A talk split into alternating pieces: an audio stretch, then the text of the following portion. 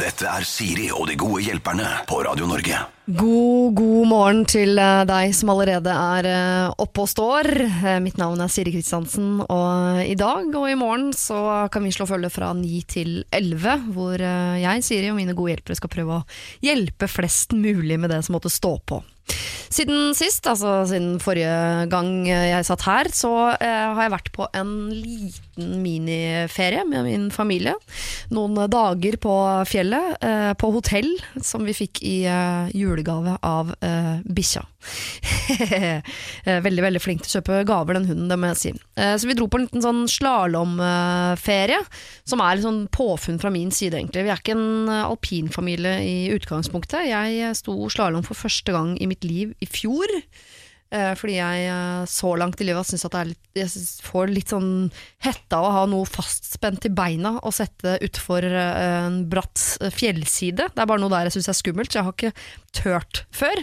Men i fjor bestemte jeg meg rett og slett. Jeg har ikke lyst til å være en mor som ser at barna står på slalåm, og så skal jeg bare stå nederst i løypa og vente på at de er ferdig med de skigreiene sine, sånn at vi kan gå og spise vafler. Tro meg, jeg har hatt nok sånne turer hvor vi har vært i forbindelse med et slalåmanlegg observerer familier som tydelig får det til. Alle står på ski, alle ser glad ut, og så står vi som en sånn klump nederst i bakken med hvert vårt akebrett og er potte sure. Jeg bestemte meg for at det vil jeg ikke lenger, så da bare lærte jeg meg sånn litt å stå på slalåm i fjor, sammen med da sønnen min, og så i år så klinka vi til med en liten alpintur, alle fire. Em, og det var veldig veldig gøy. Vi fikk en hel dag i bakken hvor vi koste oss, og antageligvis sov ut en sånn familie som bare er en sånn alpinfamilie som får det til. Som bare spretter opp, tar på seg utstyret, går bort i skiheisen, ingen problemer, alle elsker det. Dette har vi gjort 100 ganger før. Helt sikker på at det så sånn ut utenfra. Det er i hvert fall det jeg syns jeg ser når jeg ser andre familier som suser av gårde inn i heisen. Alle er glade, og alle er blide. Ehm, endelig er jeg der, rett og slett. Og det var eh, litt deilig. Men jeg skal innrømme det, vi sto bare slalåm den ene dagen. Dagen før gadd vi ikke. Vi stakk og bada istedenfor og spiste buffé.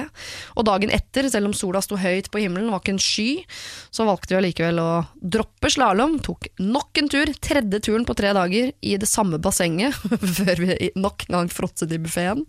Eh, så jeg er veldig glad for at jeg fikk de der få timene den ene dagen hvor det så ut som vi var en sånn slalåmfamilie som bare naila hele det friluftskonseptet. Så vi bare visste hvor stor prosentdel av denne lille ferien hvor vi faktisk brukte i buffeen. Eh, vi var jo der da også på kveldstid, to voksne, to barn, og da får man jo på en måte prøvd det der med ja, nå er vi ferdige å spise. Eh, Barna løper rundt og koser seg i hjel. De er i sokkelesten. Det er masse andre barn her. De leker, de blir kjent med folk. De er, føler på den friheten, liksom. Jeg husker det selv da jeg var barn. Jeg fikk lov til å være med på høyfjellshotell. Det var den beste tiden i mitt liv da jeg fikk være på høyfjellshotell. Løpe rundt i sokkelesten, få meg nye venninner. Ned til mamma og pappa, få penger til en is. eh, Bli med på fugledansen. Løpe rundt, ikke noe innetid. Ingen som sier når du skal legge deg, eller hva du får lov til å spise, og når vi er ferdig. Alt. Det var bare helt sånn fritt. Så prøvde jeg liksom å gi mine barn nå på denne turen, og de elsket jo. Men jeg blir jo sittende da uten ungene, øh, jeg og lokføreren, og se på hverandre.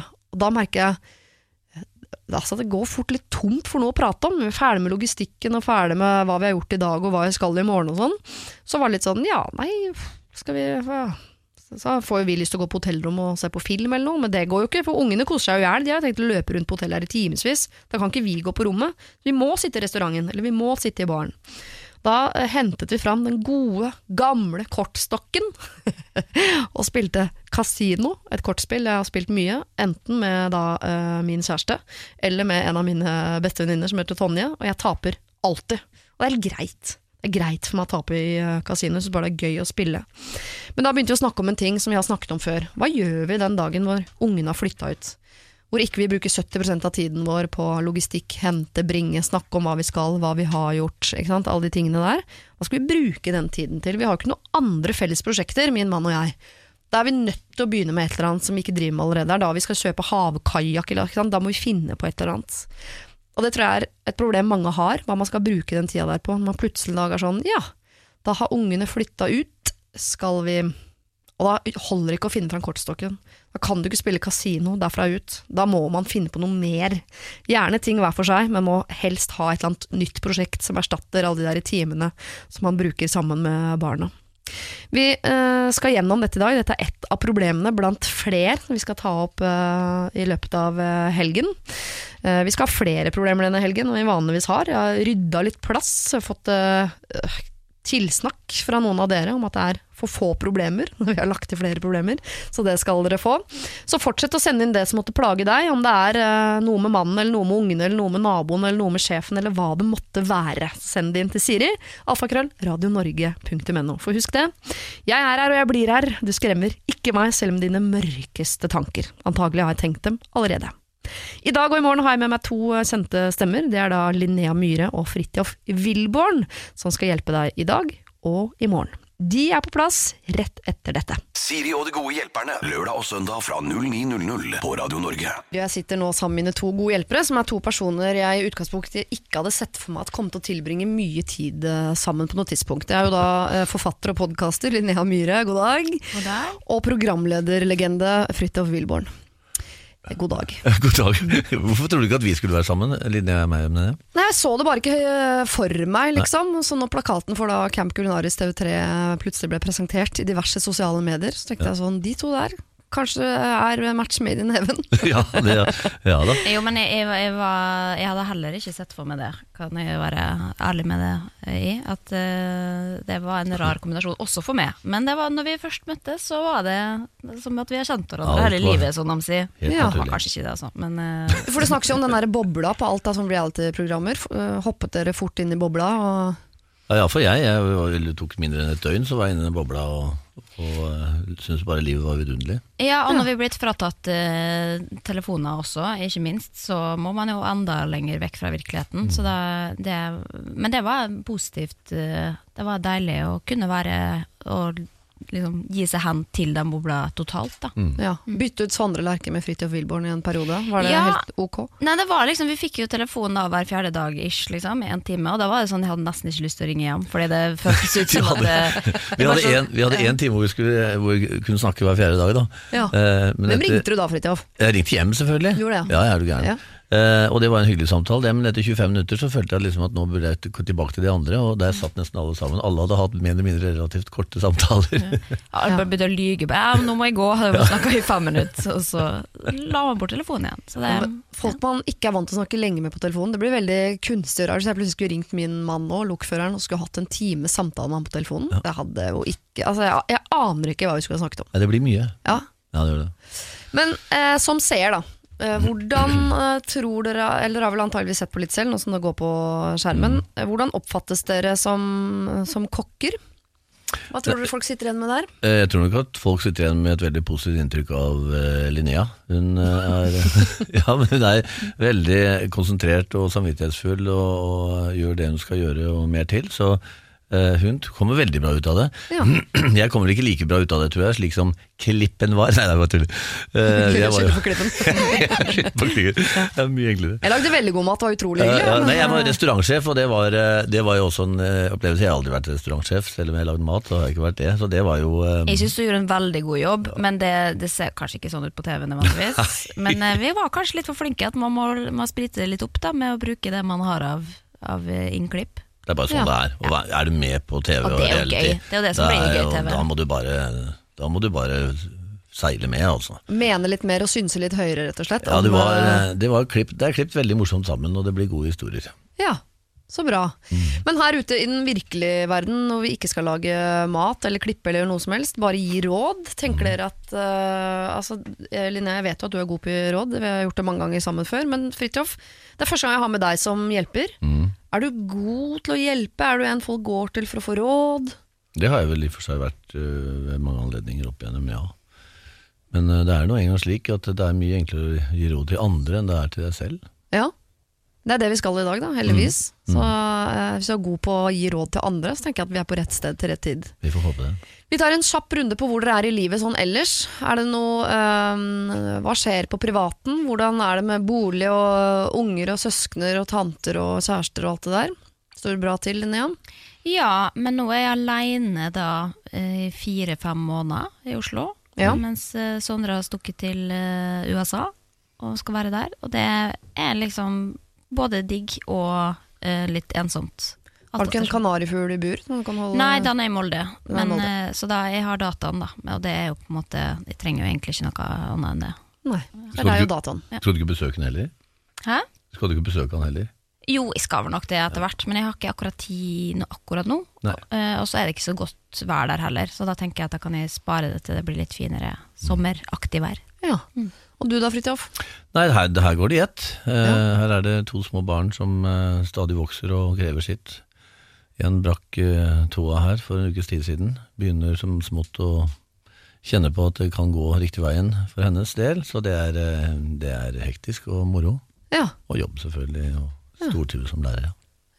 Så bra. Ja. Vi skal være her til 11 i dag og 9 til 11 i morgen og gi råd. Eh, hvis du som hører på trenger hjelp fra Siri og de gode hjelperne på et eller annet tidspunkt, så send en mail til meg. Sirialfakrøll, radionorge.no. Siri og de gode hjelperne.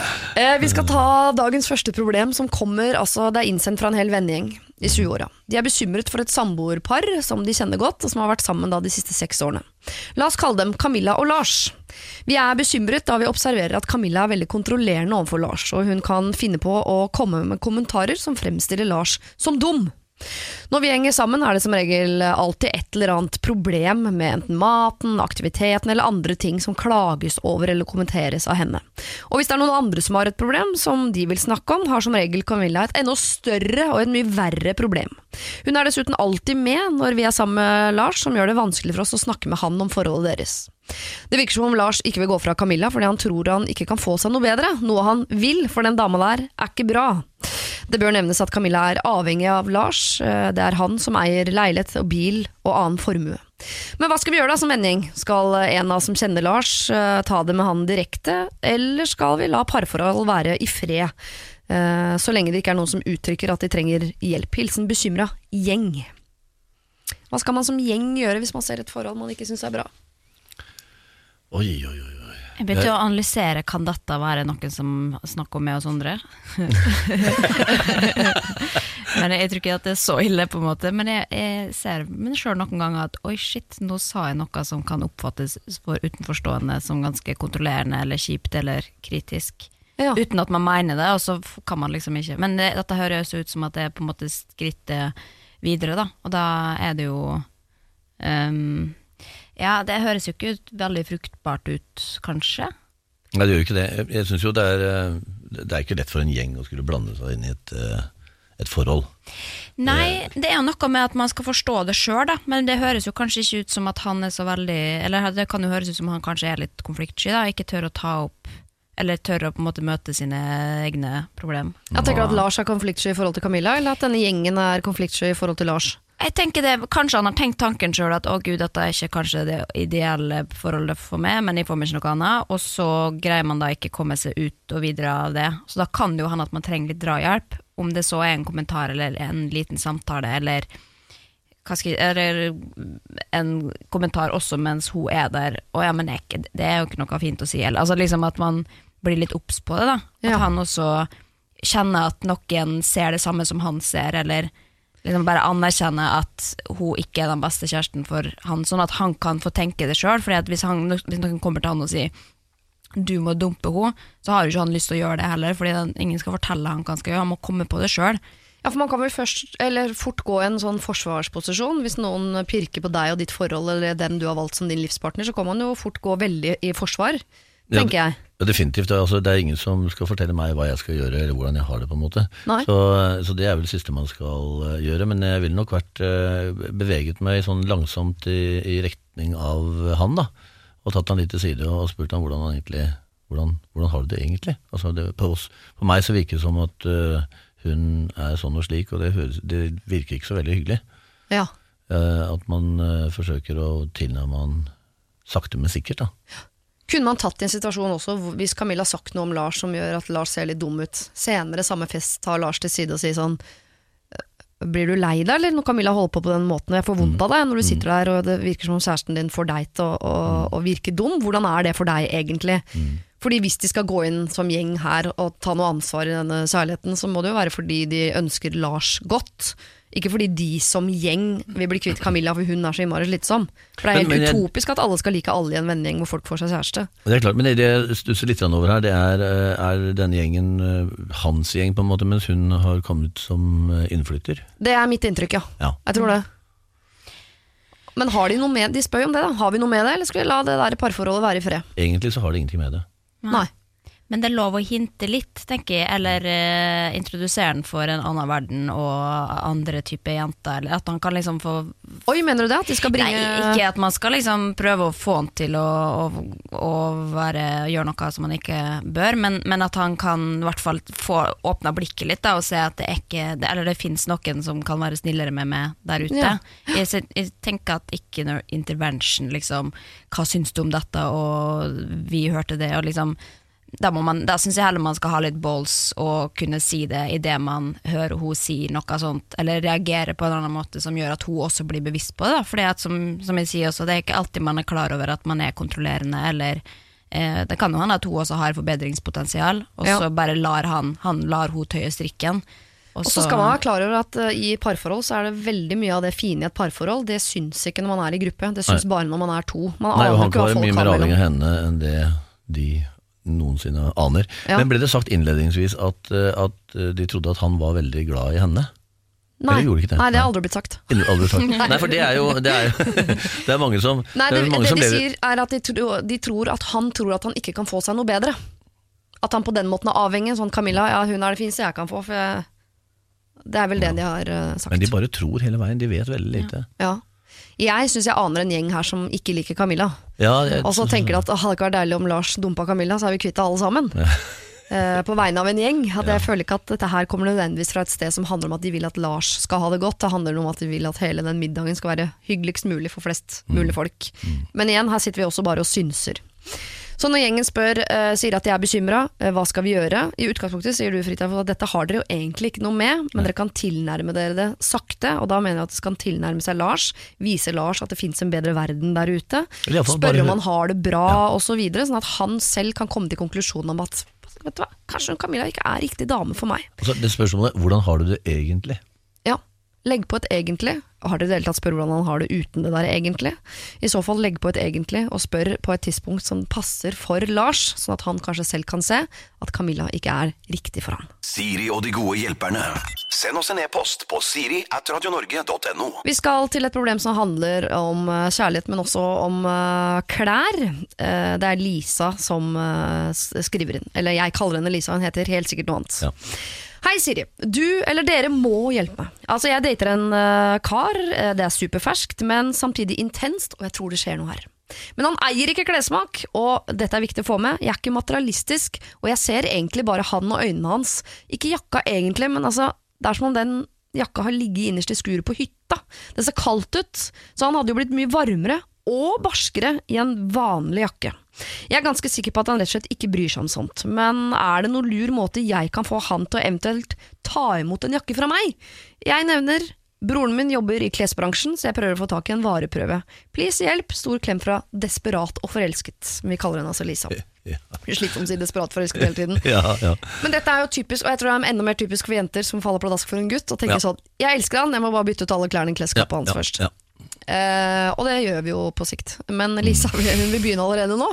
Kan hun det? Eller? Du kan ikke begynne allerede nå. Det, nei, nei, nei, nei, han er jo han er seg selv. Han er kjempefornøyd med hvordan han ser ut, og syns klærne hans er eh, helt riktig valgt. Ja. Og at han ser kul ut i det, og han vil på en måte definere seg som en som ikke skal være kledd sånn som eh, hun Det vet vil at ikke, da. skal være. Er du sikker på det? For, ikke for at jeg skal dra alle menn under én kam, da. Jeg La meg i hvert fall bruke to. Uh, så er det jo i hvert fall noen som har, har fått klær av moren sin hele oppveksten, og når ikke moren kjøper klær lenger, så bare Ja, så tar de det som ligger innerst i boden, da.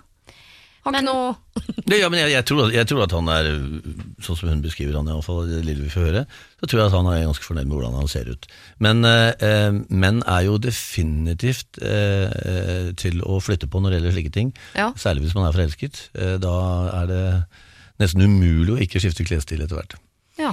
Men jeg tenker også når hun da sier at det ser kaldt ut med den jakka, da er det jo bare en eh, Altså, det er jo en hyggelig ting å gjøre å kjøpe en varmjakke. Ikke fordi man trenger ikke si den er stygg, bytt med den her, men den her vil gjøre at du blir mye varmere. Og jeg Ja. vil, vil at du skal være frisk og, og sunn. Men er det til og med litt tidlig nå å være hun som er bekymra for helsa hans, liksom? Ja. Har du fått litt eh, Nei, beina på nakken litt- ja, Jeg vet ikke om jeg hadde fått beina på nakken Hvis jeg hadde vært veldig forelsket, så hadde jeg stått helt i ro. Men, men jeg, hadde, jeg tror ikke jeg hadde blitt veldig begeistret hvis hun kom hjem med sånne jakker. Som jeg, og det er ikke sikkert hun helt vet hvilken klesstil jeg vil like hvis jeg skal endre klesstil heller. Nei. Det er jo veldig bortkasta penger å kjøpe et eller annet som hun syns er fint, eh, som han bare ikke liker og helst ikke vil gå med i det hele tatt, og går sjelden med. Så jeg ville nok eh, prøvd å, å forandre han eh, gradvis. Ja. Eh, og komme med noen eksempler at dette, dette hadde vært innmari fint på deg. Altså Det er helt utrolig hvordan vi menn når vi går inn i klesbutikk, Ja. så vet vi på en måte hva vi liker og ikke liker. Samtidig så trenger vi råd. Så Ja. vi spør jo da ekspeditøren der, Trisen der, eh, eh, er denne fin, er den fin? Altså vi er veldig, vi er egentlig litt sånn usikre Ja. samtidig. Så vi er tilbøyelige til å bli med på veldig mye rart vi når det gjelder kles... Og så er dere veldig åpne for smisk. Det er dere som har skapt den kulturen som er i alle klesbutikker nå, at de i butikken sier hva de syns at du er fin i, uten at man spør. Ja. Den tipper jeg det er dere gutta som har skapt. Og eh, ikke skapt. minst den der vil du også ha dette, dette, dette, dette, og så kommer du til å jeg. eh, 10 000 kroner. Nei, det- ja, ja, ja, det er sikkert noe som er, det, men det, det kan jeg ikke fordra. Vet du hva jeg- jeg hater mest i klesbutikk? Når de også sier sånn 'Den har jeg!' Ja. Tenker sånn, Ja. å ja. Da skal jeg ikke ha den. De, ja, ja. Så fint at du sier fra, for drømmen min er nemlig Eller- at vi to skal ha de samme klærne. Men Jeg, blir- jeg blir irritert når du sier «Øh, Og er det noe jeg kan hjelpe med? Uh, nei, uh, jeg bare kikker. Ja. Okay, Bare si fra hvis, det er- hvis det er noe, så er jeg her borte. Altså, det, det trenger ikke å si det. Jeg går inn der Vi har skjønt Men, men konseptet er jo butikk, pålagt jeg skal ha det. dere kan jo ikke, de, de har ikke lov å bare stå og se stygt, stygt på det heller. Men, Nei, men dette er jo en, Ja, det er et annet, det er et Ja, det, samfunnsproblem. ja, det er noe helt annet. Men jeg tenker, jeg, jeg står på mitt med dette. Nå er det snart Valentine's Day. Er ikke det en fin anledning å kjøpe en Det trenger ikke være en 2000 kroners jakke. Det kan være 300 kroner på en Smørits eh, på salg, liksom. Også, Ja. Som er litt kul. Og åh, jeg bare så, jeg syns jeg så på det at du frøs her en dag, og så tenkte jeg på, den når jeg så en, nei, tenkte på det når jeg så den jakka. Den er Du så trenger ikke bruke den, du kan bytte den. Altså, det er ikke liksom Nå kjenner, jeg, du nå kjenner jeg at jeg ble, nå ble jeg omvendt av Linnea her. Ja, du fikk lyst på ny jakke du da. Ja, jeg, jeg kan gjerne prøve den jakka litt. av. Jo, men i hvert fall hvis hun også bruker det kortet med at eh, hun har en bror som jobber i klesbransjen. Vet du hva, Jeg har fått en vareprøve på en jakke. Ja. Mm. Utrolig fin. Jeg, jeg vet ikke hvem som skal Det er jo en guttejakke som passer ikke til meg. Kanskje du har lyst til å prøve den? Ja. Oi, den var fin! Vil Ja. du ha den? Da kan jeg ordne det. Aktig. At, hun, at det var litt sånn Ja, ja. via via Ja, det må ikke legges fra han som at, at jakka di er stygg, ta den her isteden. Eh, Men det høres ut som at hun er smart nok til å skjønne oss sjøl også. Ja. Ja. Lisa, i starten av en forelskelse så er det lov å ljuge. Eh, Jeg skrøt med at jeg elsket David Bowie og så Liverpool i hvert fall en gang i uken. eh, For å, og at jeg hadde hatt en katt som het det samme som lokførerens katt, noe jeg aldri har hatt. Bare for å nærme meg den mannen. Så at du later som om du har fått en god deal på en jakke som du kanskje har blakka deg helt på, bare for å få denne kjekke karen inn i en jakke du syns han er enda finere i, så syns vi du skal det. Men Men- er lettlurte. Ja, de elsker komplimenter, de er lettlurte, men vær litt grann sneaky på dette her. Ikke si at jakka di er stygg, du må ha en ny. For da kan det hende at han tar beina på nakken og flyr. Siri og de gode hjelperne. Radio Norge. Du hører på Radio Norge, mitt navn er Siri Kristiansen, og hver eneste lørdag og søndag så sitter jeg her altså med to gode hjelpere for å løse dine problemer. Det har vi gjort en eh, stund, både her på Radio Norge og tidligere også på Radio 1, og for, eh, ja det begynner å bli en stund siden, altså oktober 2018, så ble vi kjent med en ung gutt som heter eh, Kalle. Kalle var, og kanskje fortsatt er, 15 år og klarte ikke å identifisere seg med ett kjønn. Eh, Han var panfil og var usikker på eh, hvordan han skulle stå fram overfor familien sin. Han hadde en eh, kristen familie, bodde på et lite sted. Alt han ville var å bryte ut av skapet, flytte inn til storbyen, røske opp med rot og det som var, men lurte altså på kan jeg gjøre det når jeg blir 18. Eh, skal jeg vente til det? Skal jeg si fra om min legning nå? Skal jeg si fra til mamma og pappa, eller kan jeg ta direkte med bestemor? Eller er det henne jeg skal skåne fra dette? Hva gjør jeg? Altså, han hadde mange spørsmål. Som gode hjelpere den gang så hadde jeg altså et eh, tospann som jeg tror ikke har hatt noe med hverandre å gjøre verken før eller siden. Og det er Einar Tørnquist og Sylvi Listhaug. Og de hadde altså følgende å si om dette problemet. Driver og skal finne ut av seg sjæl, men syns det er vanskelig midt oppi den familien som jo eh, er eh, kristne. Du er vel ganske kristen, Sylvi? Er du ikke det? Jeg har min barnetru, Ja. absolutt. Hvordan ville du reagert på dette? Nei, altså jeg tror det at han må snakke med foreldrene sine. Ja. Ja, jeg tror det er måten å gjøre det på. Men jeg skjønner at det er utrolig tøft, da, for da har du øh, foreldre som er veldig konservative, og så har du en utrolig sånn åh, ja. Men som, som Sylvi nevner her, da, du har jo støttespillere i den eldre generasjonen, besteforeldre, Ja. som kan presse på fra to sider. Ta den praten, altså, for det kommer til å gå seg til. Ja. Hvis ikke eh, du tar den praten, så kommer du til å leve et ulykkelig liv. Det er jo liksom barnet ditt, da. Så Ja. jeg tenker det skal jo veldig mye til før det du ikke Før du kutter kontakter med barna dine. Ja. Det var altså et lite utdrag av eh, det Sylvi Listhaug og Einar Tørnquist eh, i oktober i fjor mente at eh, Kalle burde gjøre. Nå har det gått noen måneder. Eh, Kalle har tenkt litt, og Kalle har altså sendt en eh, mail til oss hvor han forteller litt om hvordan det går. Ønsker du å høre hele problemet og alle løsningene og alle tankene rundt dette, så må dere altså laste ned podkast fra 28. oktober 2018. Hei, tusen takk, skriver eh, Kalle. Dere fikk meg til å reflektere over problemet. Det jeg har kommet fram til, er at skapet er brent ned. Hvis det noen gang skal bli normalt, så må man slutte å gjøre det til en stor greie. Så jeg gir litt mer F. Spør noen, så sier jeg enten ja, eller så bitch-blikker jeg, og sier at dette her har dere faktisk ikke noe med. Spørs hvem som spør. Jeg sitter i skrivende stund på vei hjem fra en leir der jeg møtte en fantastisk gutt, og vi klaffa med en gang, og kvelden endte med at vi lå i armene til hverandre og kysset. Vi får se hvordan dette utvikler seg. Vi bor nå over syv timer unna hverandre, men til neste år så starter vi på samme skole, og vil da bo bare fem minutter unna hverandre i gåavstand. Det vil si at jeg flyter vekk fra mamma og pappa, ikke til Oslo dessverre, men jeg flytter vekk. Jeg tror virkelig vi har noe, at vi kan få noen fine år til å utforske, utforske dette. Tusen takk for hjelp. Livet smiler. Nå vet jeg ikke om det var uh, vår hjelp som hjalp mest her, eller om det var denne mystiske, fantastiske gutten Kalle har truffet, som var altså, den som hjalp Kalle mest i den situasjonen. Men det høres uansett ut som om Kalle er på et bedre sted, har det bedre med seg selv og har klart å ta noen valg i forhold til hvem han vil være, hva han vil si og hvor han vil. Og det er veldig, veldig bra. Vil du ha hjelp av en mystisk gutt, så får du klare det sjøl. Vil du ha hjelp av eh, meg, Siri og mine gode hjelpere, så må du sende meg en mail. Siri alfakrøll radionorge.no.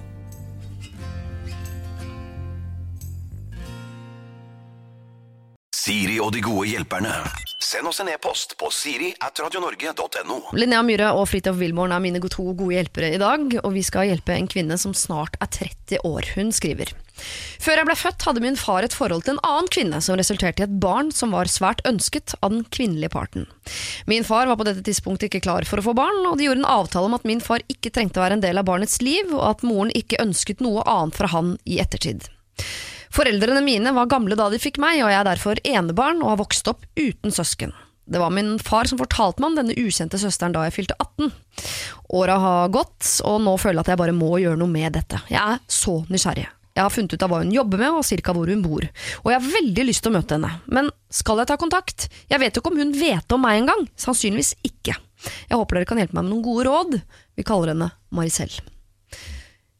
Linnea, syns du Maricel skal kontakte sin uh, ukjente søster i en alder av 30?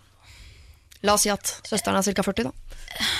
Jeg må si, jeg, jeg tror ikke jeg hadde greid å la være sjøl, for da blir det jo et ubesvart spørsmål resten av livet. Det kan jo godt hende at hun blir skuffa hvis da søstera ikke vil ha kontakt, eller at hun ikke hun ser for seg at hun er, eller noe sånt. Men jeg tror jeg bare hadde hoppa litt i det raskt, og så eventuelt Fordi det vil jo bli på en måte ubehagelig uansett, eller det kan bli Altså Hun har ingenting å tape på å ta kontakt, da, tenker jeg. Moren mener, det leste jeg ikke, men moren mener at hun har noe å tape på det, fordi hvis hun plutselig blir øh, gjort oppmerksom på at hun har en far et eller annet sted, så kan hun plutselig få en som også vil være med å dele arven på et eller annet tidspunkt. Å gud, skal vi begynne å, skal vi rett inn i arv allerede? Mor, Fy mor er opptatt av arven, men uh, Maricel er jo da åpenbart ikke det ennå. Jeg, jeg ser litt ned på folk som, som uh, begynner å snakke om arven i 30-året. Altså, det må jeg bare innrømme. Ja, det er mora, da, Ja. som snakker om arven. Ikke sant? Men det også. Men uh, så der uh, Nå når hun er ung og har lyst Hvis hun har lyst på ei søster, så gjør hun det. Og selv om det kanskje ikke hun står med døra åpen, så, eh, så har du i hvert fall prøvd, da. Istedenfor å gå og lure hele livet, og så plutselig For hun kommer jo til å ha lyst Hvis hun har lyst til å gjøre det nå, så vil hun også gjøre det om 10 år, om 20 år. Ja. Og så ligger du der på dødsleiet og angrer på at ikke du tok kontakt med den ene søstera du kunne hatt, da. Og så treffer du henne og så merker du at vi er jo sjelevenner. Vi kunne jo Ikke hatt sant? så mye utnytte av hverandre i hele, gjennom hele livet. Jeg er ikke i tvil om at hun skulle ta kontakt. Hva hadde du tenkt deg så plutselig sto en på døra en dag Fridtjof, sa sånn Hei, du er min ukjente bror. Ja, det hadde vært utrolig spennende, og selvfølgelig veldig rart. Og blitt veldig nysgjerrig på hva er det mine foreldre eller min far eller min, hva, ja, hva de har gjort før. Det ble Ja. jeg nysgjerrig på. Men hvis det virkelig hadde vært en som sto på døra og sa at eh, du kjenner ikke meg, men, men, men jeg er faktisk din bror eller søster, det hadde vært eh, fantastisk. Hun kan jo potensielt ødelegge eh, mellom denne ukjente søsteren og hennes mor. Hun kan jo begynne å anklage sin mor sånn Å ja, så det har vært en far hele tiden som jeg aldri har blitt fortalt om. At Man vet jo ikke hvilket ormebol man går inn i. Nei, men det, Det er ikke hennes problem, da, tenker jeg. Du må tenke på, her må du tenke på det sjøl. og jo, men det, hun har jo også blitt eh, Altså, hun har, det har blitt holdt hemmelig for hun i 18 år. Det er ikke noe gøy for hun heller, det. Hvis hun da treng, føler at hun trenger det, så, så støtter jeg det fullt ut. Sannsynligvis så kommer det til å bli veldig vellykket, og du blir veldig glad for det begge to. Hvordan skal hun ta Eh. kontakt da, hvis dere er enige nå om at eh, ja, Maricel, du skal ta kontakt med søsteren din, det må du gjøre. Jo før, jo bedre. Men hvordan er det eh, på døra? Facebook? Brev? Telefon? Jeg tenker kanskje Facebook i første omgang, for den, den eh, face-to-face-avvisninga er nok litt verre enn på, på Facebook. Ja. Er du med på Facebook, Fridtjof? Ja, i og for seg så er jeg det, men en venn av meg Du er jo veldig god på Facebook. eh, Fridtjof. Ja, aner jeg i en ironisk tone? Er det Jeg vet ikke, jeg skjønner, jeg skjønner ingenting. Nei. Nei, Uh, nei um, en venn av meg, eh, de var jo uh, fire søsken, og uh, de opplevde her for en del år tilbake, eh, da de var samlet i forbindelse med en høytid, at det kom en på døren og presenterte seg faktisk som bror. Oi. Eh, og eh, han fikk jo da komme inn, og da, det viste seg at, at foreldrene hadde i en periode vært, i ett års tid vært fra hverandre. Eh, De var ungdomskjærester, og så de, gikk de hvert til sitt, og så fant de tilbake etter et drøyt år eller sånn. I mellomtiden så hadde han truffet en annen, som var kortvarig, Ja. og, og da ble det en gutt da. Og så, så hadde han fått vite etter hvert hvem som var faren og så videre. Så han stilte opp på døra der, og, og han ble tatt etter hvert veldig godt imot. Og det ble en lykke for alle fem. Ja, Tenk deg han å plutselig få fire søsken, fra å være enebarn til å få Ja. fire søsken. For en fantastisk. lykke det må være. Jeg tror også jeg hadde satt veldig pris på det. Plutselig fant ut nå ja, du har to søstre du, i Porsgrunn. Ja, Det har vært helt nydelig. Men det er jo et stikkord her, da, etter hvert. For det er jo ikke sånn at man bare åpner døra, og så er man plutselig har vi kjent hverandre hele livet. Det kommer jo til å være en prosess, og det må man være litt innstilt stilt på. Så at det, Det var- det, begge to må gi for at det skal bli liksom, et fruktbart uh, søskenforhold, Men det var kanskje. ikke sånn at det var uheldig Når jeg sa etter hvert, så var det bare fordi at eh, rett og slett at det var Han ble tatt godt imot, og, og, og du, alle var veldig glad for dette her, og det var det i og for seg fra første øyeblikk. Ja. Det er en uh, solskinnshistorie, og det antageligvis, Maricel, så blir det det også her. Men du må være forberedt på at du kan bli avvist, og du må også være forberedt på at det kan ta tid. Og være forberedt på at det kanskje ikke er sånn at du og søsteren din er match made in heaven, men det er verdt å ta sjansen. For lurer du på dette nå, så lurer du i hvert fall på det om ti år. Og plutselig så ligger du på dødsleiet og lurer på det da, og da er det for seint, osv. Og så vil jeg bare si en ting til, og det, at vi må tenke gjennom alle eventualiteter. Vi må tenke gjennom avvisning, vi må tenke gjennom det som du nevner med, med mor osv. At, at de tingene må vi tenke gjennom, så du er forberedt på de tingene der. sånn. Ja. Men vi syns i hvert fall at det er verdt det, og at du skal ta kontakt. Og det der med arv, vet du hva, Glem det. ja, glem det. Radio Norge. Dere, Vi skal til et problem, og når jeg sier dere, så mener jeg da Linnea Myhre og Fridtjof Wilborn, som er mine gode hjelpere nå i helgen, eh, til et problem som handler om en datter på syv år. Og så Linnea, du får jo da enten prøve å sette deg inn i hvordan det vil være å eventuelt være mor, eller så får du gå inn i rollen som syv år gammel datter. Jeg vet ikke hva som ligger deg Jeg tar nærmest. sistnevnte. Du tar syv år gammel datter, ja. Fridtjof, du har jo 43 unger, eller hva det er oppi nå, så dette er kjent farvann for deg. Har du noen døtre oppi dette her? Jeg har tre døtre og tre sønner. Tre døtre og tre sønner. Ja. Her står det altså. Jeg har en datter på syv som går i andre klasse. Det går opp og ned med hvem som er venner og hvem som ikke er hele tiden, og det er stadig hendelser der noen er lei seg. Sånn tror jeg det nok bare være, og det må jeg takle. Men det er en jente som stadig er ufin mot min datter. Vanligvis ville jeg ikke hatt problemer med å si ifra og gå i dialog med foreldrene eller skolen, men jeg vet at nettopp disse foreldrene har det tøft. De har opplevd mye vondt de siste åra, og jeg skjønner at barna er urolige. Datteren deres er ikke slem, og jeg prøver å forklare min datter at hun nok ikke mener noe med det, men at hun egentlig kanskje bare er lei seg eller usikker. Men skal jeg skåne foreldrene for dette på toppen av alt? Eller kan jeg si fra eh, noe jeg ellers ville ha gjort? Jeg tror nemlig både min datter og vi foreldrene kommer oss fint ut av dette, men det strider litt imot hva jeg mener er normalt sett det man skal gjøre, nemlig snakke om ting. Ja. Skjønner du problemet? Altså. Vanligvis ville man bare ringt foreldrene og sagt sånn Dattera deres oppfører dere dårlig, men så vet hun at hvis jeg ringer og gir dem enda en dårlig nyhet, så kan det være altså Nei, men jeg, det, dette syns ikke jeg var så vanskelig. Nei. Eh, fordi at eh, man skal iallfall ikke ta telefonen og si det som du sa der. Det er utrolig hvor langt man kommer med oss mennesker hvis man bare legger fram ting på en ordentlig måte. Ja. Og det er bare å, å ringe og fortelle at de, de har Datteren din og min de har det hyggelig sammen i perioder, og er en skjønn jente, men det er bare eh, innimellom så kommer hun med en del ting som gjør at min datter blir veldig lei seg. Dette er hun veldig opptatt av. Ja. Og dette prater hun mye om, og hun skulle ønske liksom at du kunne vært litt annerledes enn akkurat det. Og rett og slett innledet med å få de på banen der. Jeg tror det, det gjelder Hvis mine barn hadde oppført seg på den måten, så ville jeg definitivt ha hatt en telefon med hjem. Det tror jeg 99% av foreldrene vil. Har Hvis man bare noen- legger fram ting på en Ja. hyggelig og grei måte, at man ser denne syvåringen som er litt sånn nebbete i kjeften, ser den, at den jenta er jo egentlig en veldig flott jente også, men at hun har sider som er litt mm, ekkel innimellom. Ja. Så er det bare å, å snakke om det sammen, og snakke bare- med den jenta om det. og- Jeg har jo fått noen av disse telefonene opp igjennom uh, på vegne av mine barn også. Jeg tror bare Hvis jeg i utgangspunktet hadde vært helt sånn eh, lei av livet og syntes alt bare var motgang, og så fikk du den på toppen av det hele sånn 'Sønnen din har kasta snøball på datteren min i dag', så tror jeg det hadde vært litt sånn Måtte du ringe om det? Nei, men det er, ikke, det, det er ikke det vi snakker om her. Her snakker vi om en jente som, som eh, føler seg litt eh, plaget av en annen jente. Ja. Ja, det handler jo om å gjøre dem også en tjeneste, selv om man kanskje ikke ser det akkurat der og da.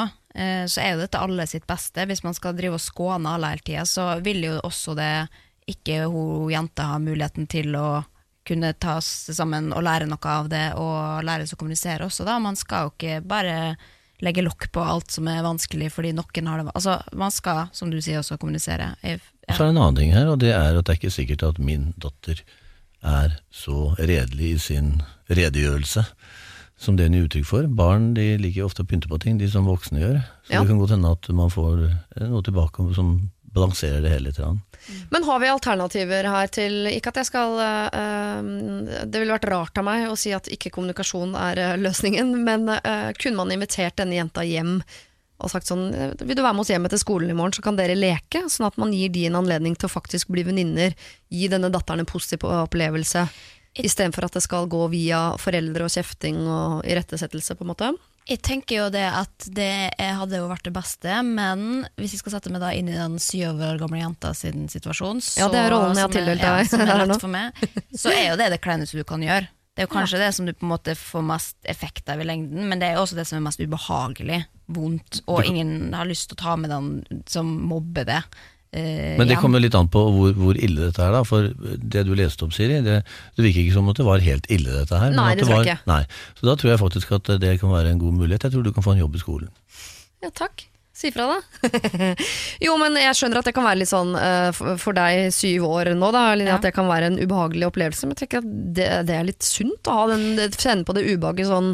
Og så kanskje man kan bonde over en barbiedokke, liksom, sånn etter skolen. Og hvis da ikke foreldrene tar på seg det ansvaret, de foreldrene til hun andre jenta, så kan det jo hende at du rett og slett må bare liksom, ja, ta det ansvaret du kan, da. For det er jo ofte det man, man ser jo mange barn som ikke kanskje har det så bra hjemme, og da er det jo vanskelig å skulle forholde seg til det, men jeg tror det er enda verre å ikke forholde seg til det, og bare lukke øynene og tenke ja, men det må de fikse sjøl hjemme. Hvis, du har, hvis du har muligheten til å da invitere hjem, eller eh, å prøve å på en måte påvirke hun jenta sjøl kanskje, og være en litt sånn eh, tante, så, så er jo det bare positivt, tenker jeg. Kanskje det er det beste som kan skje for hun jenta også. Hvis dere har eh, overskudd eller mulighet til det, eh, så ta med dere disse to jentene på noe sammen, gjerne hjemme hos dere eller et eller annet etter skoletid, sånn at de kan kanskje bli venninner på en annen arena.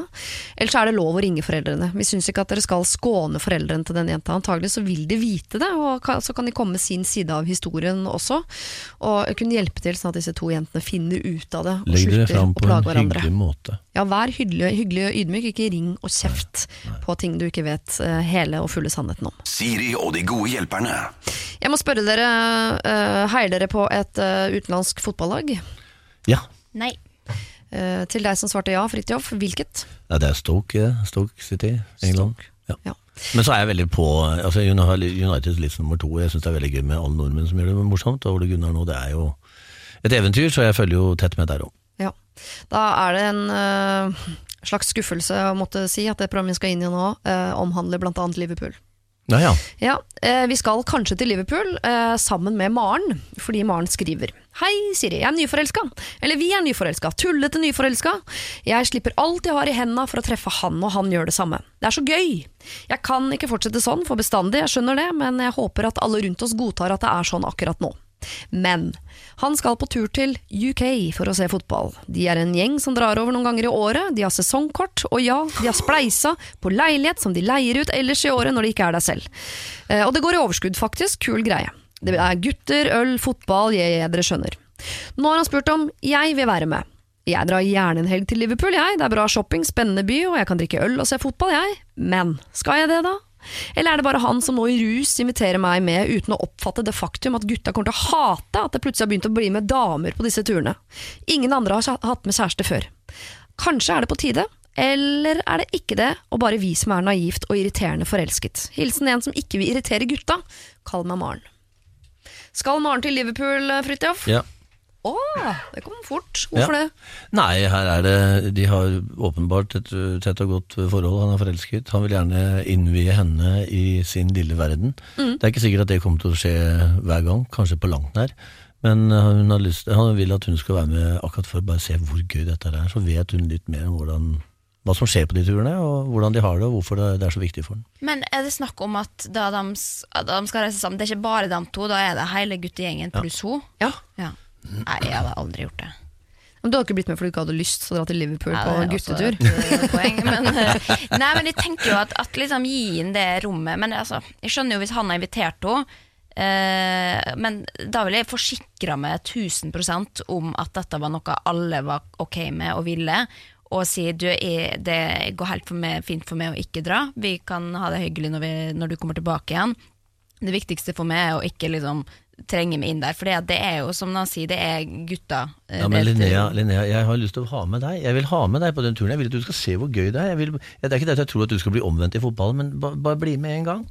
Jo, men det er, inntre, det er inntrengende. Det Nei, det er jo ikke det når jeg tar deg med på det. Så er ikke Jo, men det er fordi du føler at du må. Må. At, man, at man må at, har du til må spørre. jeg- har Du du- spør for at hun skal si nei, sant? Nei, nei, jeg spør deg fordi at jeg har lyst til å ha deg med. Det er veldig gøy å se dere to i rollen som det forelskede paret. Ja, for dette er så viktig for meg. Den turen her til Liverpool det er så viktig for meg. Og vi, den guttegjengen er er en sabla bra gjeng. Og eh, det er klart at jeg hadde ikke invitert Linnea som kjæreste med på den turen der som hvis jeg visste at noen av gutta hata at damer skulle være med. Jo, men når man er i den eh, altså hodestups idiotiske forelskede den, eh, fasen, så kan man jo finne på å gjøre det. Fordi jeg har så lyst til at hun skal være med, at jeg glemmer at de andre ikke har lyst. Man har jo vært på noen fester noen ganger som man tenkte sånn Å, jeg trodde det bare skulle være jentene. Du tok med typen din, ja. Det er lite fest Ja, ødelagt. det, jeg har aldri opplevd at det har vært et positivt innslag. At å ja, han, ja, men han er kul, han. For det, er- det føles ut som at det er en elefant i rommet. Men, men eh, altså, jeg er helt enig, hvis det er sånn at han virkelig har lyst til å ha henne med, og og alle kompisene har sagt det og sverga på sitt liv om at det er greit, så, så ok, sure. Men hvis ikke hun egentlig har så veldig lyst til det heller, hun kan jo alltid selvfølgelig være med og bo der og sove der og gå på shopping og ikke liksom nødvendigvis gå på fotballkamp, men Men det er et godt poeng. For hvis jeg nå ser deg som Nå sitter vi som kjærester her, og, du, og jeg vil så gjerne ha deg med. Tenk hvor mye du var kjæreste. det, det var en artig greie. Vet aldri. Vet aldri. Men eh, da hadde, eh, da hadde jeg etter hvert eh, det, det som jeg har vært engstelig for da, er hvis du skal ha den negative holdningen som jeg føler liksom at du har nå da, som kjæreste, at du liksom Jeg vil ikke trenge meg på og alt sånt. Og så tenker jeg at eh, hvis du først skal være med, så må du jo på en måte være med. Ikke sant? Da må du være en del av gjengen. Og hvis jeg, og hvis jeg ser på deg at, du, at du, dette her liker du ikke, så er det mye bedre at du sier nei. Jo, men det er ikke negativ holdning, det er selvinnsikt, tenker jeg da. Ja. At, og det føles ut som altså, Det er jo derfor hun sender inn et problem også, fordi at hun ser at det er problematisk, og liksom sikkert i 90% av sånne type tilfeller så er det på en måte Det tilhører guttene ofte, da. At det er liksom ikke så ofte at ei jente blir invitert til å bli med i det hele tatt, og hvis hun blir det, så er det kanskje noen som sier jeg selvfølgelig, det er hyggelig det, og så tenker jeg hva faen, liksom, hvorfor skal hun det, det, var, var, det var ikke det som var avtalen, men Ja, for jeg syns Maren virker som en veldig smart jente her, Ja, som allerede nå skjønner at uh, det, dette kan det hende at noen av de andre gutta ikke liker, så kanskje jeg skal holde meg litt i bakgrunnen, eller jeg skal vente, eller forhøre seg med de andre kjærestene. Har dere, eh, hva syns dere? Kanskje det er noen flere kjærester? Eller si sånn, dra på guttetur du, Uh, gutten min, men så tar vi en tur i juni hvor alle har med seg kjæresten. Kunne ikke det vært gøy da? Jeg vet ikke, altså. Jeg bare, jeg, jeg, jeg, Bli med hvis du har lyst til å ta en tur til Liverpool med kjæresten og disse gutta. Og hvis du vet med deg sjøl at hvis det blir for mye øl og pub og tull og tøy, så, eh, og du er selvstendig, og greier, så drar du ut og shopper litt, og så gjør litt egne ting. Gutten i gruppa Maren, sier at du kan bli med på tur, og det må vi jo legge ganske mye tyngde på, faktisk. I hvert fall eneste blant oss som er gutt og uh, ser på fotballkamp. Så jeg tenker at du får 70% av stemmene her.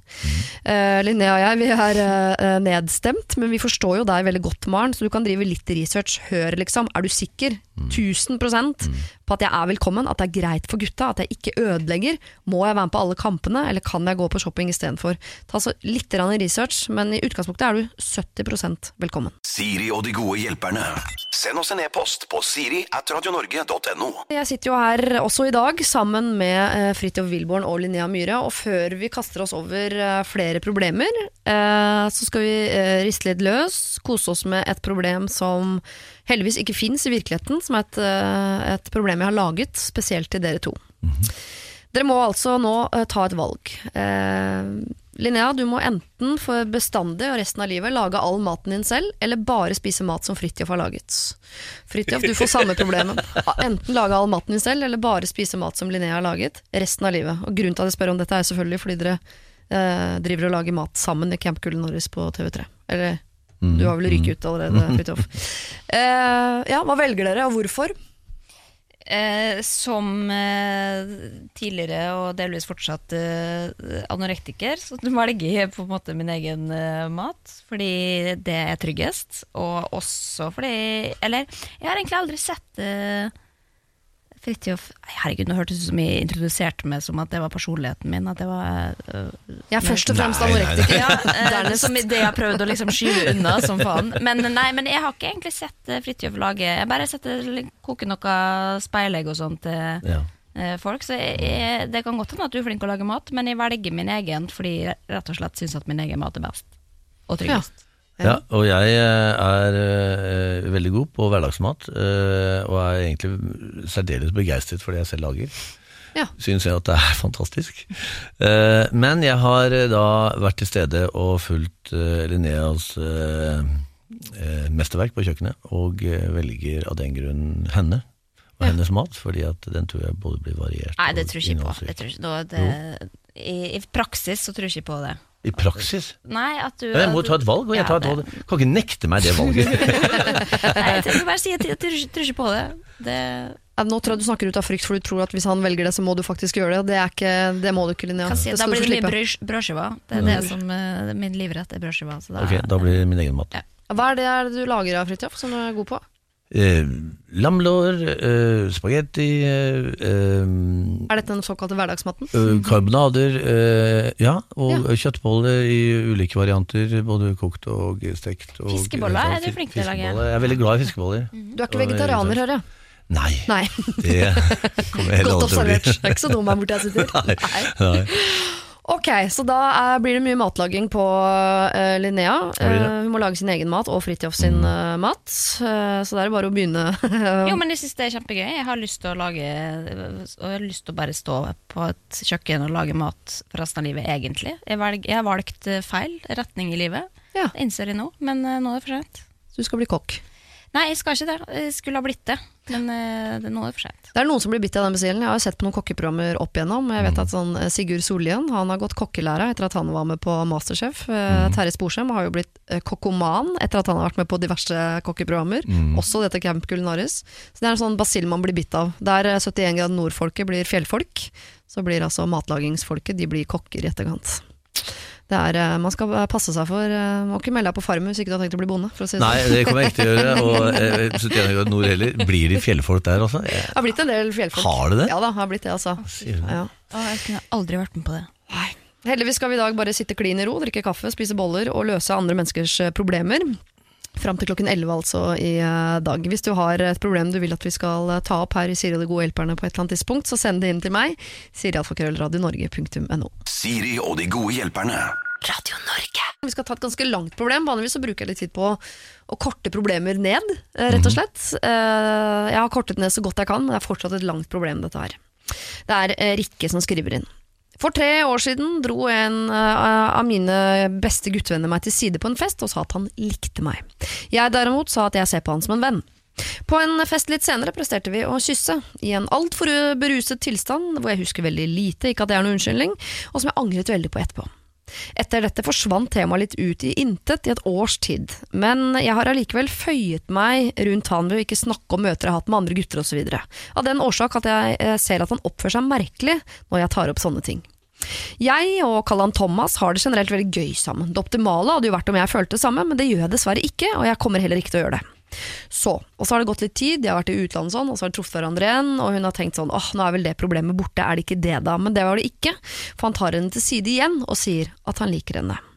Og nå som jeg trodde at vi var på lik bølgelengde, og at han eh, hadde hatt tid til å komme over meg. Jeg spurte han om jeg hadde vist noe tegn til interesse, noe han mente at jeg ikke hadde gjort. Etter dette har jeg hatt behov for å trekke meg unna. Han derimot tar mer kontakt enn noensinne, og jeg irriterer meg over alt han gjør, alt han sier. Jeg føler også at alt jeg gjør blir tatt som et hint fra hans side. I tillegg gjør han alt for å være på de stedene jeg er. Jeg føler at jeg på tredje året har vært tydelig nok og snill nok, og jeg orker snart ikke ta flere hensyn til hans følelser. Så skal jeg fortsette å føye meg å skjerme han for mitt liv med andre gutter når vi er sammen med vennegjengen for å ikke såre han. Eh, Det at jeg ikke vil være med han skal jo ikke gå utover oss alle. Han er veldig var for konfrontasjoner, og jeg føler at stemningen i hele vennegjengen blir veldig påvirket av at jeg, eh, hvis jeg er hard og brutal. Så what to do? Hilsen en som er lei av å tilpasse seg, kan meg ikke Ja. Sykt slitsomt. Ja. Slitsom fyr. Ja, alle her enden inne og fikk nedover munnen og nedover øynene. Ja, men, ja, men det, det, ja. Hvem er det Altså, synd på? Nei, jeg syns det er synd på begge to, ja, fordi at eh, de dette er to gode venner. Ja. Sånn? To veldig gode venner, hvorav den ene etter hvert utvikler eh, litt andre enn vennskapelige følelser. Mm. Og det er jo ikke noe, det er ikke noe eh, forbrytelse, det. Nei. Eh, at de hadde et kyss på en fest, det er ikke så veldig mye å snakke om når det, hvis det bare var det. Eh, og så eh, sier hun jo klart ifra at eh, det er hyggelig at du liker meg, på en måte, men, men jeg, det- jeg er ikke der selv. Eh, Så syns hun at det er veldig slitsomt alt sammen med at han er der. Kan du ikke bare akseptere, bare, si at vi blir aldri kjærester, Ja. men jeg vil veldig gjerne ha det som en venn. Når hun forsvinner fra han fordi Ja. at du syns det er litt stressa, da får han panikk, for han vil jo veldig være, tenker jeg da, han har kjempelyst til å være venn med henne. Han løper ikke etter henne fordi at han prøver å få til et forhold. Han hadde et, en veldig god relasjon til henne som ble litt ødelagt ved at han var så dristig å si at jeg faktisk liker deg litt mer. Jo, men han er jo åpenbart fortsatt forelska, jo da. Ja, ja, men det vil han alltid være. Han vil alltid være forelska i henne, antakeligvis. Er- Iallfall inntil han finner en eller annen. Så vil han være forelska i henne, men det er jo Jeg tipper han kommer til å være det da òg. Ja. Hun kommer til å være den som han ikke fikk for bestandig. Ja. Men jeg tenker Men så- jo at nå har hun føya seg så lenge, da, og nå begynner hun å bli irritert. Da må hun bare gjøre det motsatte. Da må hun leve det livet hun har lyst til å leve, ikke ta hensyn til at han kan kanskje bli såra. sånn. Ok, Kanskje skal ikke hun konfrontere han, for det har hun prøvd å si noen ganger, og han er var på det, men da må hun i hvert fall ikke liksom eh, ja, og da rett og slett Kanskje hun må kline med en fyr foran han og ikke ta hensyn til hans sine følelser. Da. Rett og slett Sånn at han kommer seg over det og skjønner også at hun det kommer ikke til å skje. da Ja, for Kan det være nettopp fordi Rikke har tatt for mye hensyn i alle disse årene som gjør at han ikke kommer seg videre? For han tenker hele tiden at det er Ja. håp. Det er jo ikke noen andre gutter, hun treffer jo aldri noen andre. aldri. At han tenker at det, Det kan på et eller annet tidspunkt så kan det bli oss. At hun har skjødd litt puta under armene på han ved å da liksom gjør, få han til å tro at kanskje hun eh, bare går og venter på at hun skal bli interessert i ham. Altså, skjønner du at, man, at han Ja, ja. er så naiv som det? da At hun kanskje heller må bare leve sitt liv og få han til å innse at det kommer ikke til å skje, hun er ikke interessert, hun er opptatt av andre. Det er veldig rart det der at det skal være ekkelt at noen er forelska i deg som du ikke er forelska i. Men sånn er det jo hvis man har opplevd at en, en man tror er venn, plutselig finner ut at denne vennen er forelsket, så blir alt som har vært hyggelig, blir plutselig ekkelt. Å ja, så du gjorde ikke det for å være venn, du gjorde det for å kanskje bli Alt blir ekkelt. Og jeg spurte om rådet Gjorde for, ja, ikke det- gjorde for. Hvis man har gode venner, man kan jo være gode venner lenge, og så plutselig så er, kan den ene faktisk bli uh, forelska, men den andre blir ikke det. Den andre er fortsatt en god venn. Ja, da. Jeg vet at det er sånn at ikke det er dårlig gjort, eller noe sånt, men på, hvis du er på andre siden av det, så kan det oppleves som litt invaderende. Og jeg har bare fått et tips en gang, jeg vet ikke om det virker, men det er nettopp ved å være veldig åpen om alle hemmeligheter, fortelle alt, så vil det vennskapet bli mer vennskapelig enn at du er en sånn mystisk figur som man gjerne vil bli kjæreste med. Så jeg tror at hun skal, om ikke kline foran ansiktet hans, men begynne å oppføre seg mye mer som en vanlig venn, og dele alle de tingene som venner deler, nemlig om dater og klining og alt som har skjedd i livet. Så jeg tror vi må begynne å, å behandle denne fyren, Thomas, som en helt vanlig venn. Ja, og jeg, jeg innser det er kanskje ikke så innafor å si, da, men hvis hun også begynner å bli irritert på at han er sånn han er, så hadde jeg gått inn for å irritere han tilbake ved å da snakke om alle jeg har uh, erobringene mine og jeg, dem jeg er forelska i, bare for å se han bli knust, rett og slett. Det hadde jeg Ja. gått inn for. Ja. Så jævlig er jeg. Jo, men faktisk er det jo slemmere å la dette eh, vennskapet gå helt i dass, fordi hun nå syns at han bare har blitt en irriterende fyr, Mm. enn å være litt grann hard for å, i, i håp om å bevare Ja, et vennskap. Da. Absolutt. Ja. Uff, der eh, Rikke fikk du, eh, om ikke passet påskrevet, så har du i hvert fall fått en ganske tydelig beskjed om at eh, du ikke skal ta dette hensynet. Du må slutte å ta hensyn før du nå blir hard og brutal og ikke liker han lenger i det hele tatt. Det er jo dumt. Det bør jo være mulig å bevare vennskapet, men for å bevare det vennskapet så tror vi rett og slett at du må slutte å ta hensyn. Du må snakke om gutter, erobringer, du må fortelle om folk du er forelsket i og folk du har møtt. Og så kan det bli litt vondt en periode for Thomas, men kanskje det er det han trenger for å komme seg videre. Siri og de gode hjelperne. Vi skal inn i uh, vanskelig farvann. Dette er et farvann jeg vil tro at både du Fridtjof og du Linnea og jeg selv inkludert har vært i på et eller annet tidspunkt. Her står det. Jeg er en jente på 24 men samboer på 28. Vi har ikke den største vennekretsen, men har gjennom et vennepar, Frank og Frida, blitt kjent med et nytt vennepar, Siri og Eirik, som vi liker veldig godt. Frank og Frida er greie, men bidrar veldig lite sosialt. Siri og Eirik er morsomme, og vi vil gjerne være mer sammen med de. Problemet er at Frank og Frida mener at de eier oss som vennepar, ettersom vi har kjent hverandre i fem år. Vi føler derfor at vi enten må være sammen alle sammen, eller at vi kun kan være sammen med Frank og Frida. Kall oss for Therese og Joakim. Her er det mye navn, men vi må bare kalle de altså uh, Par par, en par 1, 2 og 3. Par 1 og 2 har kjent hverandre lenge, men par 1 vil gjerne være venn som med par 3. Ja, de har lyst til å være sammen med par 3 innimellom aleine, uten at par 2 også må være der. Nei, Man kan ikke drive og, og føye seg etter par to, altså. Det syns jeg ikke. Hvis du finner noen du liker, så, det, så har du full rett til å være sammen med dem og spørre om å finne på ting uten å involvere par dem, alle andre. Dem som du ble, altså hvis jeg skulle, hvis jeg skulle brukt Altså Jeg har en veldig veldig god venn som jeg har egentlig tatt hele vennekretsen til, fordi han har samla de beste, og så har jeg kommet inn og tatt dem. Hvis han skulle vært med på alle de gangene jeg skulle møtt dem, da hadde jo aldri fått blitt kjent med dem på ordentlig. da og han Nei. kunne ikke ha krevd det heller. Altså det, man må skal jo skape, eller skape nye vennskap, og da kan man ikke alltid være sammen alle sammen. Det, går, det er ikke praktisk mulig heller. Det er noe som er sånn, da. Jeg har opplevd akkurat det greiene der sånn. Og vi hadde et veldig godt vennepar som vi var veldig mye sammen med. Og så merka vi etter hvert at, eh, at de faktisk ikke var så veldig begeistret for at vi hadde andre venner. Vi oh, ja. var jo invitert masse der, og det var veldig hyggelig osv. Eh, og da vi ved en anledning ble invitert til noen andre, så, så holdt vi det måte litt skjult. For at vi, vi skjønte at det kunne vi liksom ikke si. Følte at vi kunne ikke si det. Eh, og så kom det for en dag eh, på et senere tidspunkt da, at vi, eh, vi eh, på en måte også hadde kontakt med dette paret. Eh, og da ble, da, ble- da ble Da hørte ikke vi noe mer fra par to.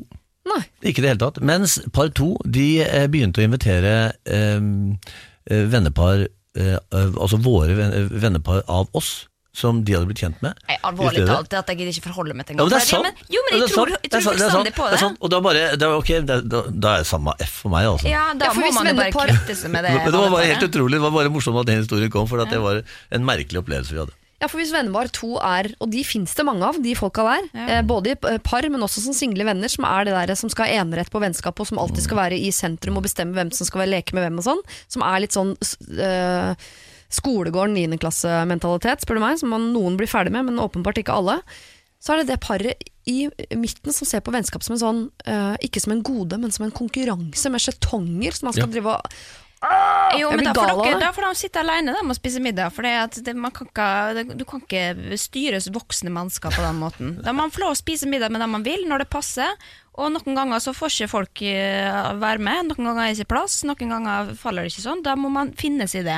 Hvis ikke du kan det, så, så får du være alene. Og så kan det også skje det som skjedde med oss, at plutselig så var ikke vi invitert der lenger. Mens nei. våre andre venner av oss ble invitert der. Og det er jo ikke noe trist, det- det. Ja, nei, det er samme søren for uh, Ja, ikke for å gjøre vennskap til enda mer sånn uh, så, mafiavirksomhet, ja. men hvis altså vennepar to her, de i midten, Ja. uh, har litt sånn vennskapelig makt i nærmiljøet, så skal være litt forsiktig også med at de føler seg fryst ut. For plutselig så har de eh, gått rundt huset, og så, er, så blir de ikke invitert på noen middager i byen lenger. Nei. Skjønner du hva jeg mener? Ja, men det er sånn gidder jeg ikke å forholde meg til. Nei, Da det må er du bra. bare bestille leiemordere Ja. til eh, Så du kvitter problemet. Det er alltid min løsning hvis jeg ikke veit helt sånn. Da er det Leiemorder. vi går. Altså, det har jeg alltid lurt på. Er folk som sier sånn det er veldig lett å få tak i leiemorder. Jeg hadde ikke visst hvor jeg skulle begynne. Nei, det er bare, men nå vet du Linnea. Linnea. Via Bare spørre på Linnea. Altså, eh, vi, her syns vi at dere, nå er dere vennepar én, Therese og Joakim. Dere skal ikke ta hensyn til vennepar to, altså Frank og Frida. Hvis dere vil henge med Siri og Eirik, som er morsomme og folk dere vil være sammen med, så skal dere det. Men ikke fryse ut Frida og Nei. Frank. Altså, Dere må jo også på en måte invitere de innimellom, alle sammen sammen. Men kan ikke de, så skal de jo være sammen med Siri og Eirik. Bare ikke la de gjøre om vennskap til en sånn konkurransegreie. Se åssen det gikk med Fridtjof. Ja. Nå har dere ikke de som venner lenger. Da har de begynt å ta hevn og invitere. Da har vi det gående. Så dere må ikke begynne, dere må ikke bli med på greiene deres. Gjør det dere har lyst til, og funker det ikke, så kontakter dere Linnea, og så finner hun en hitman. Radio Norge. Du hører på Syri og De gode hjelperne på Radio Norge. Helgens gode hjelpere er eh, Fridtjof Wilborn og Linnea Myhre. De har fått seg en velfortjent liten strekk på eh, beina. Det går i kaffe for Fridtjof, og så går det i brus som vanlig hos eh, Linnea. Hun elsker jo brus. Meget spesiell eh, hobby, hvis jeg får lov til å kalle det det. Imens så tenkte jeg at vi skulle overlate det der med å gi råd eller hjelp til en eh, ekspert. Og denne uken er det også da Helsesista, som jo har vært hjelper her tidligere, som får lov til å eh, øse over deg av sin ekspertise som helsesøster. Jeg har nemlig gitt en del forskjellige eksperter en slags mulighet. Jeg har i hvert fall bedt dem se for seg at eh, hele Norge er samlet i en eh, sal, og de får da altså muligheten til å komme med noen felles råd. Hvis jeg nå først hadde dere samla her, hva er det du ønsker å si til så mange som mulig samlet? Helsesista har tatt eh, utfordringen på strak arm, og denne uken så har hun lyst til å si dette.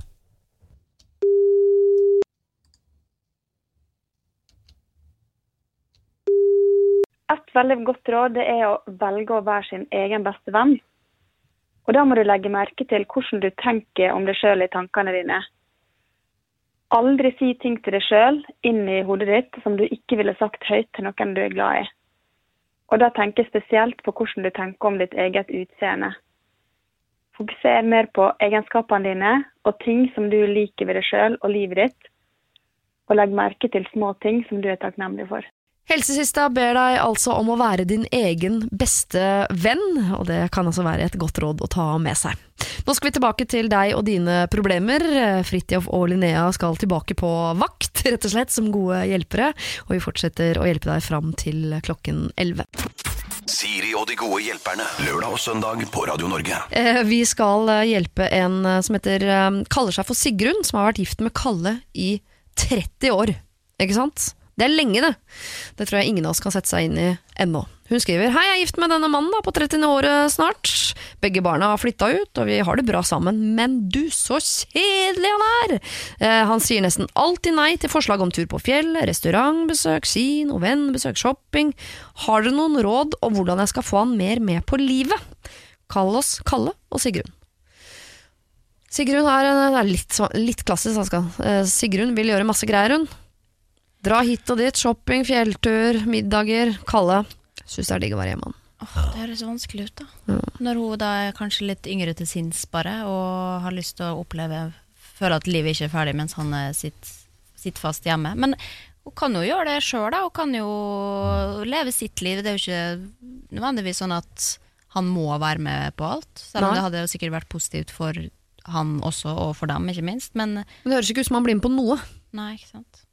Nei, du gjør ikke Jo, men da må man jo finne grunnen til det. Hva er det grunnen til at folk bare har lyst til å sitte hjemme da, år inn og år ut, da? Ja, da har du mista livsgnisten. Jeg Ja. vet ikke. Da må du til psykolog, tror jeg. Ja.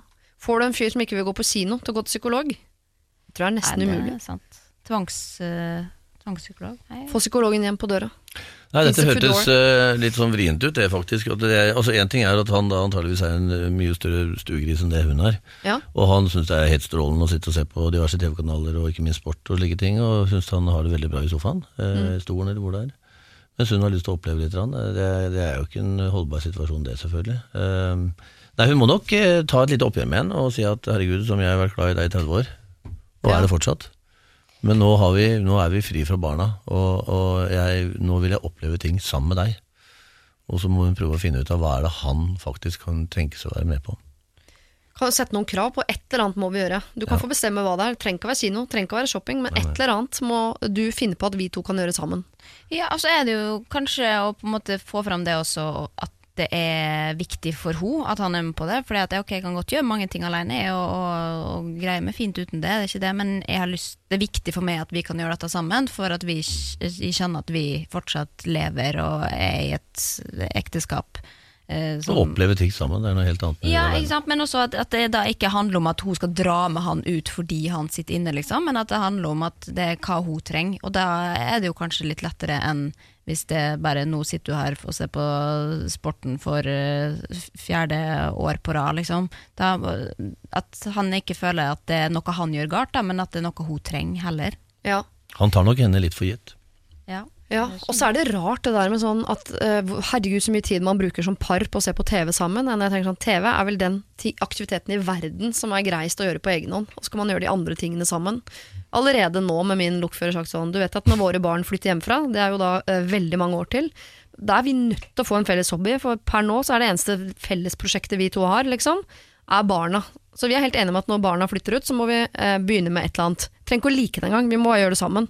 Er Da, da må du kjøpe seilbåt eller begynne med tennis eller altså et eller annet sånn, som ikke tiltaler meg i det hele tatt i utgangspunktet, men bare et eller annet som erstatter all den tiden vi nå bruker på å oppdra disse to barna sammen. Men det er jo noe med også at når du glemmer hvordan det er å være sosial eller gå ut og gjøre ting, at du også vegrer deg litt for det. da. Så det kan jo hende det at han det er den dørstokkmila, liksom. At han må presses ut og så gjøre det en gang og oppleve at dette var, dette var faktisk litt fint. Det var gøy å gå på kino, eller det var gøy å være sosial, eller Altså, det å å bare på en måte kanskje være litt hard med den første gangen, da, sånn at han blir minnet på at oi, det var hyggelig å gjøre ting sammen med kona mi igjen.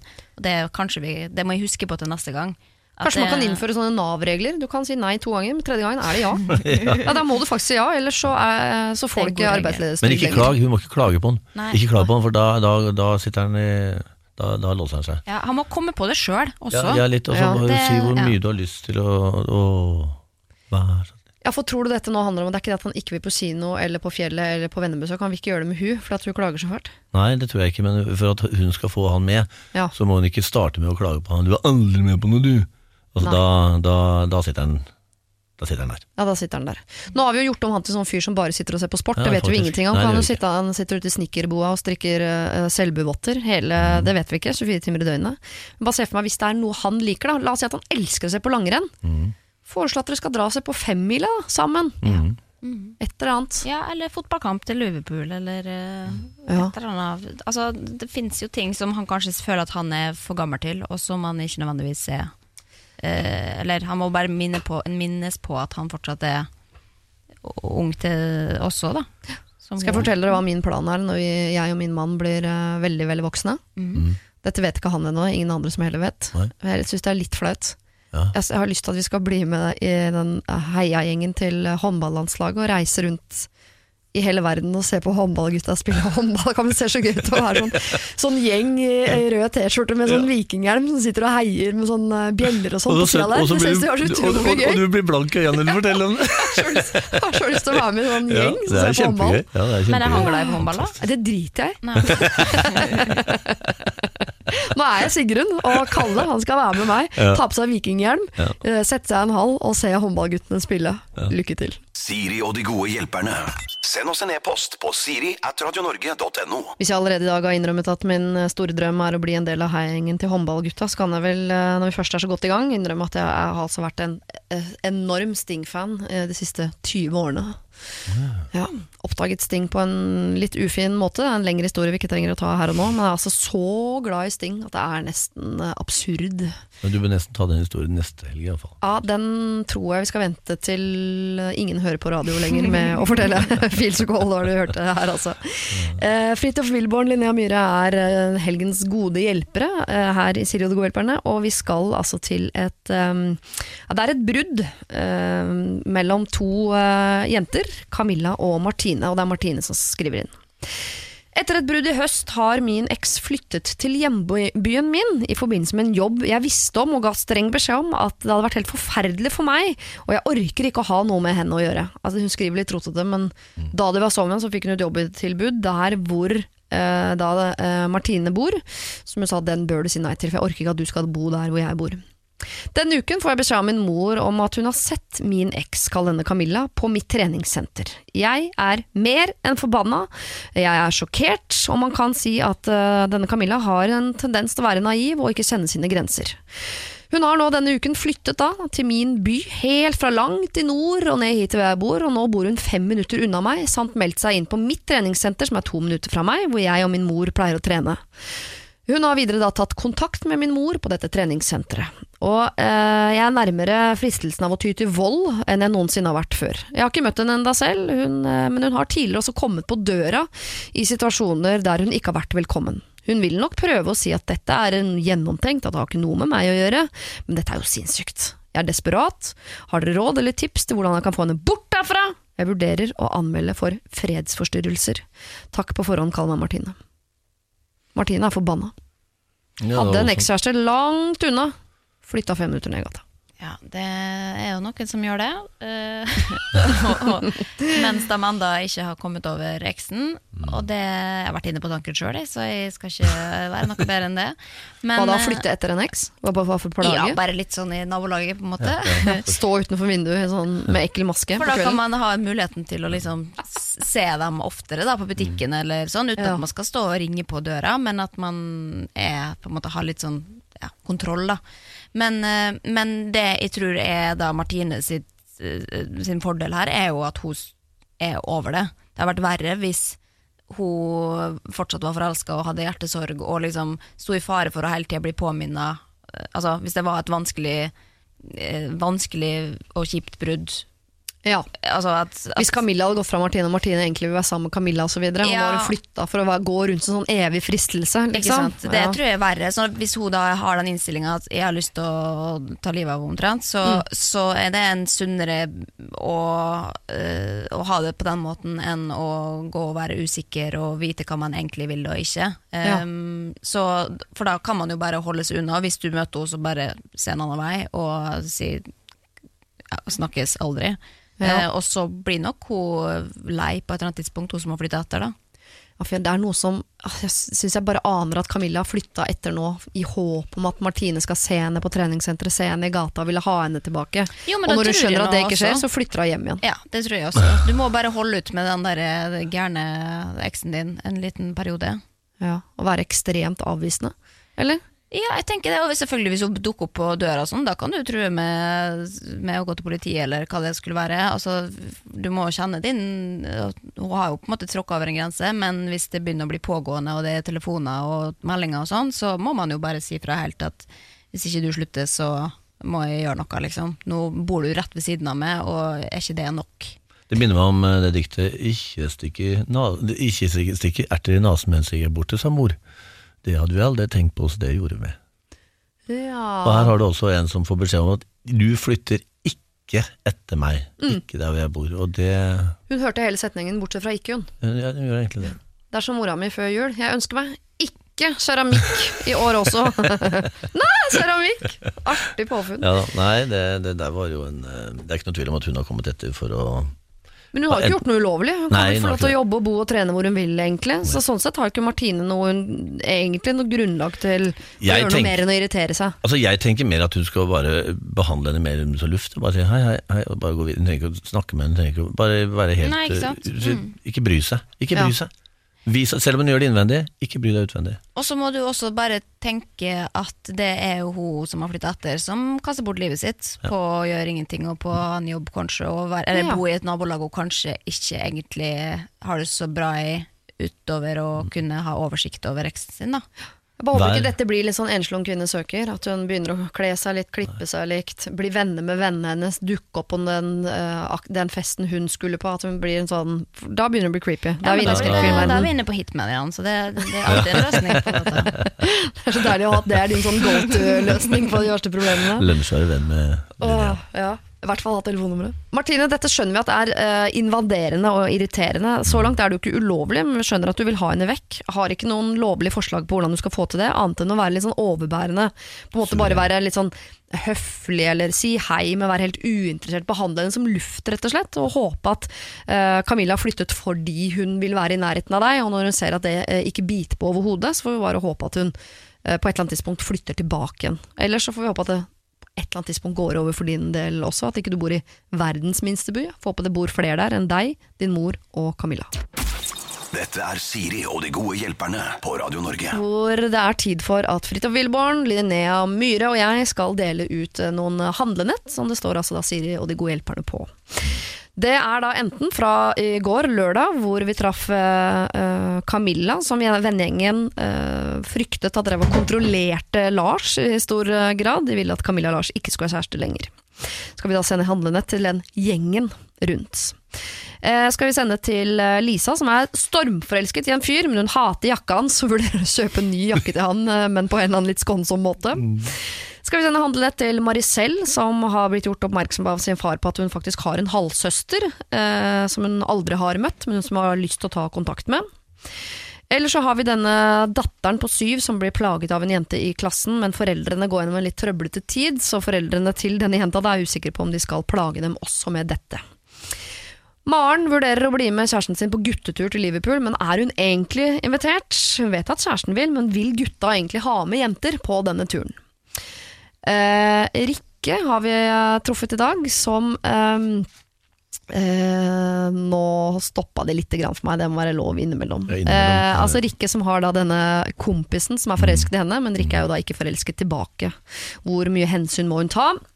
Therese og Joakim som har, fått, har ett vennepar. Via dette venneparet har de fått et vennepar til, men de får liksom ikke lov til å være sammen med det venneparet uten at alle er til stede. Igjen hensyn som ikke bør tas. Eh, Kalle, eh, som har vært gift med Sigrun i mange år, gidder ikke å være med på noe som helst. Sigrun kjeder vettet av seg og lurer på hvordan han kan få Kalle til å begynne å bli med på ting. Eller nå altså Martine som blir stalket av sin eks Camilla. Hvem tenker dere at oh, her må det sendes Jeg- jeg- handlenett? Jeg har veldig lyst til å gi eh, et, Hvor mange nett kan vi gi ut? Jeg er ganske raus på handlenettet. Altså. Okay. Jeg syns iallfall at uh, Marice, Hva heter hun for? Hun som- Maricel. Maricel, ja. Hun som Ja, eh, med søstera. Mm, hun med søsteren, ja. ja. hun, hun trenger et uh, handlenett full av matvarer når hun kommer på døren til sin uh, nye søster. Ja. Ja, enig. Og tenker jeg også på. Så de kan lage mat sammen og snakke ut om livet. Ja. Jo, jo.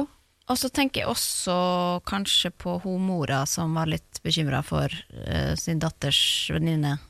Ja. Bare fordi at, at hun skal få den ekstra For den omsorgen da som hun utviser, ser det ut som at hun har lyst til å gjøre, og kanskje bidra til at, at både det kan bli lettere for dattera, men også kanskje for den andre jenta. At Ja. uh, Det syns jeg fortjener han. Fordrer du at hun arrangerer en playdate, eller får hun handlenettet også hvis hun bare tar en telefon? Nei, altså kan man kontrollere det på en måte, men uh, Alt kan kontrolleres. Ja, nei, ja, da syns jeg kanskje det. At, uh, at man skal prøve å ta litt uh, Ja, ha litt omsorg for den jenta som kanskje ikke får det der. Hun må gjøre et eller annet. Ja. Ja. Invitere eh, den jenta hjem, eller ta kontakt med foreldrene på en fin måte. Se jo, se den jenta Ja. som når hun Ja. ikke blir sett der hun trenger å bli sett, kanskje. Ja, for det er jo ofte sånn, hvis man oppfører seg litt ufint mot noen, så er det fordi det er et eller annet behov som ikke er dekket, liksom. Og det er, sånne barn har en tendens til å bli litt uglesett, og da er det enda lettere å være, fortsette å være ufin, på en måte. Så hvis hun kan bli møtt med en eller annen sånn uventet kjærlighet fra uventet hold, så kan det der blomstre og bli fint. Det var to bager. Nå er du igjen, Siri. Og så kan jeg duelle litt nå. Ja. Jeg elsker at du lager reglene. Nei. Kan jeg ringe en venn? uh, nei, da uh, har jeg faktisk eh, litt lyst til å gi altså, til eh, Sigrun, som etter 30 år som kona til Kalle, er fortvilt over hvordan hun skal få Kalle opp av sofaen og bli med på livet. Det der tror jeg det er så mange ektepar som går gjennom når barna har flyttet ut, og de plutselig sitter og ser på hverandre sånn hva nå? Hva skal vi gjøre? Vi har ingen felles interesser, vi har brukt all vår tid på barna, hva skal vi gjøre? Og den ene bare blir sittende i stolen mens den andre flyr rundt og kjeder seg. Åh, det kan funke det altså resten av livet, men det hadde vært greit å gjøre noen ting sammen også som var hyggelig. Da blir det altså tre handlenett som går i uh, boblekonvolutt herfra, om ikke så lenge. Og så uh, ønsker jeg dere en fortreffelig uke. Like Fridtjof og. Linnea, Det samme. og håper at vi ses igjen. Dette er Siri og de gode hjelperne på Radio Norge.